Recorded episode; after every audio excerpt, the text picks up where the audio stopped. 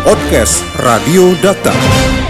Rekan Dekta Dinas Pariwisata dan Budaya Kota Bekasi bekerja sama dengan tim ahli cagar budaya Kota Bekasi untuk melakukan pemeliharaan gedong papak yang berada di Jalan Insinyur Haji Juanda, Kecamatan Bekasi Timur.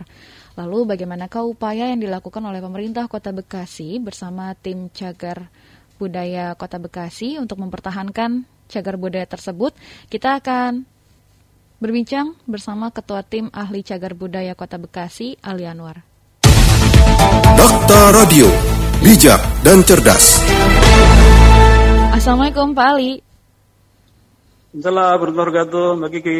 Pak Ali, ini seperti apa pemeliharaan yang dilakukan oleh pemerintah kota terhadap cagar budaya di Gedong Papak ini, Pak?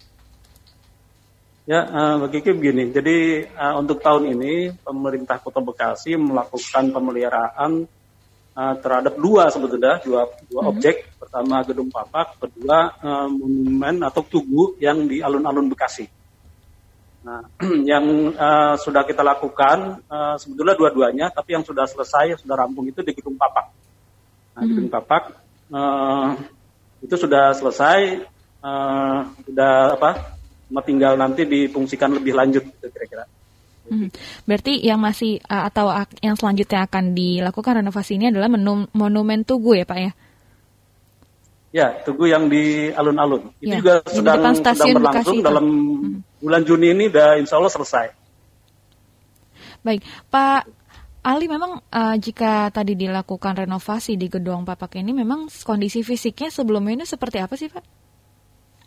Ya, kalau kita lihat gedung eh, eh, gedung Papak itu fisiknya ya memang udah amat memprihatinkan karena pertama uh, sudah beralih fungsi gitu kan. Mm -hmm. uh, yang tadinya itu uh, sebelum-sebelumnya rumah dinas bupati, wali kota gitu kan uh, cukup terawat dengan baik, tapi kemudian uh, di situ uh, bagian tengahnya menjadi musola, kemudian apa bagian luarnya kelilingnya itu kita udah jadi nggak jelas karena di situ jadi area yang lain ya misalkan untuk uh, tempat duduknya uh, berdempetan dengan apa kursi-kursi untuk uh, tamu-tamu atau uh, bagi pelayanan uh, ini badan uh, apa Bapenda badan pendapatan hmm. daerah gitu.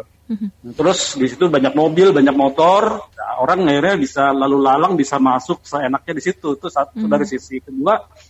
Uh, uh, dia kan bocor ya, bocor karena karena daknya di atas itu kan uh, terkelupas, yeah. gitu. sehingga mm. air bisa masuk ke dalam dan itu akan merusak uh, bagian itu. Kemudian di sekelilingnya kusam, nah itu maka harus di harus dicap ulang, tapi tentu dengan rekomendasi dari tim ahli cagar budaya itu harus disesuaikan semuanya dengan semangat zaman tahun pada saat dibangunnya tahun 1930-an. Hmm, berarti nanti soal catnya tampilannya ya, akan seperti nah, awal lagi gitu ya Pak Ali, bisa dikatakan seperti itu?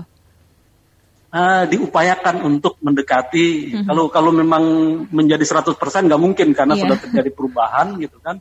Jadi kita mencoba untuk uh, melakukan mendekati yang kira-kira mengarah kepada untuk uh, apa uh, aslinya gitu loh. Misalkan hmm. soal catnya, warna catnya itu kan zaman dulu kita pakai kapur ya sekarang udah nggak ada kapur, iya. maka dicari cat uh, yang mendekati warna kapur tersebut. Terus dari uh, bagian dalamnya juga seperti itu. Terus uh, ada kanopi-kanopi yang dibikin baru itu ya kita bongkar. Nah, sehingga uh, sekarang sudah seperti zaman Belanda lagi mm-hmm. gitu. gitu Sudah sedikit mendekati gitu ya Pak ya seperti di zaman nah. di zaman dulunya gitu ya. Pak Ali bisa diceritakan sedikit iya. ini sejarah tentang gedung papak ini, Pak? Ya, gedung papak ini kan dibangun tahun 1930-an. Jadi uh, pada saat itu kan ada tren uh, ada tren gedung di seluruh Indonesia itu kan macam-macam. Yeah. Uh, misalkan di Bandung, di Jakarta itu uh, bangunan yang tidak menggunakan genting. Nah, mm -hmm. Jadi dia lebih lebih menggunakan dak ya, mm-hmm. pakai dak, dak itu uh, pakai semen gitu kan. Uh, jadi bentuknya tidak tidak seperti apa, tidak seperti rambut atau kepala gitu kan, yeah. makanya disebutnya papak. Mm. Papak itu gundul lah gitu mm-hmm. kira-kira. Nah, Rata gitu ya pak? Itu uh, pada uh, uh, botak. jadi uh, pemiliknya waktu itu kan punya tuan tanah Guancin ya. Mm. Di Bekasi ini kan banyak tuan tanah waktu itu. Nah salah mm. satunya tuan tanah Guancin Lalu kemudian pada masa pendudukan Jepang tahun 1942 sampai 45 itu di, dikuasai oleh tentara Jepang, jadi kantor tentaranya Jepang. Lalu pada masa revolusi itu menjadi markas uh, atau kantornya Komandan Resimen 5 Pak Sambas Atmadinata. Nah, terus pada tahun 50-an itu berfungsi sebagai rumah dinasnya bupati gitu kan. Mm-hmm. Nah, sampai sama kemudian menjadi rumah dinasnya wali kota, uh, wali kota administratif Bekasi tahun tahun uh, 80-an, kemudian wali kota Madia dan juga wali kota Bekasi pada tahun sampai tahun uh, apa tahun 19 uh, 9 awal 1990-an. Iya. Gitu. Mhm. Nah setelah itu berubah menjadi uh, fungsinya uh, sebagai kantor sekwan, sekretaris dewan. Mm-hmm. Setelah jadi kantor sekretaris dewan, terus jadi musola uh, sampai sekarang. Baik. Gitu. Mm-hmm. Iya, Pak Ali, lantas bagaimana nih upaya kita untuk menjaga kelestarian gadong papak ini?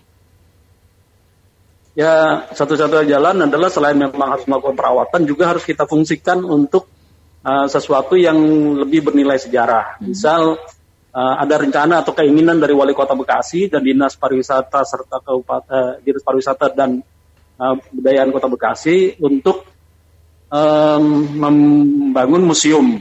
Baik. Nah, uh, daripada membangun itu atau sementara sebelum ada bangunan museum, maka uh, gedung papak itu akan direncanakan untuk dijadikan uh, museum rintisan lah. hmm jadi museum rintisan. Dengan begitu nanti dari aspek historisnya tetap terjaga, kemudian dia mempunyai nilai yang lebih uh, bermakna ketimbang barangkali itu cuma sekedar buat nongkrong aja, buat duduk-duduk gitu kan. Mm-hmm.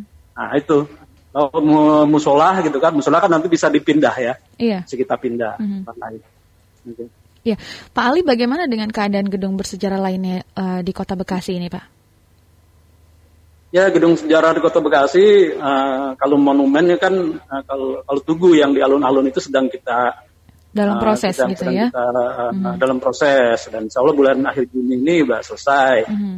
Terus yang memang sedang kami prihatinkan itu kan di antaranya uh, dulu ada rumah atau gedung kewedanaan Bekasi yang kemudian menjadi uh, Polres Bekasi. Mm-hmm. Nah itu bagian-bagian depannya itu memang sudah pada habis tapi di belakang itu kalau nggak salah tuh ada ada rumah dinas eh, apa Ngawedana nah itu yang sedang kami perjuangkan untuk uh, tetap dipertahankan mm-hmm. gitu.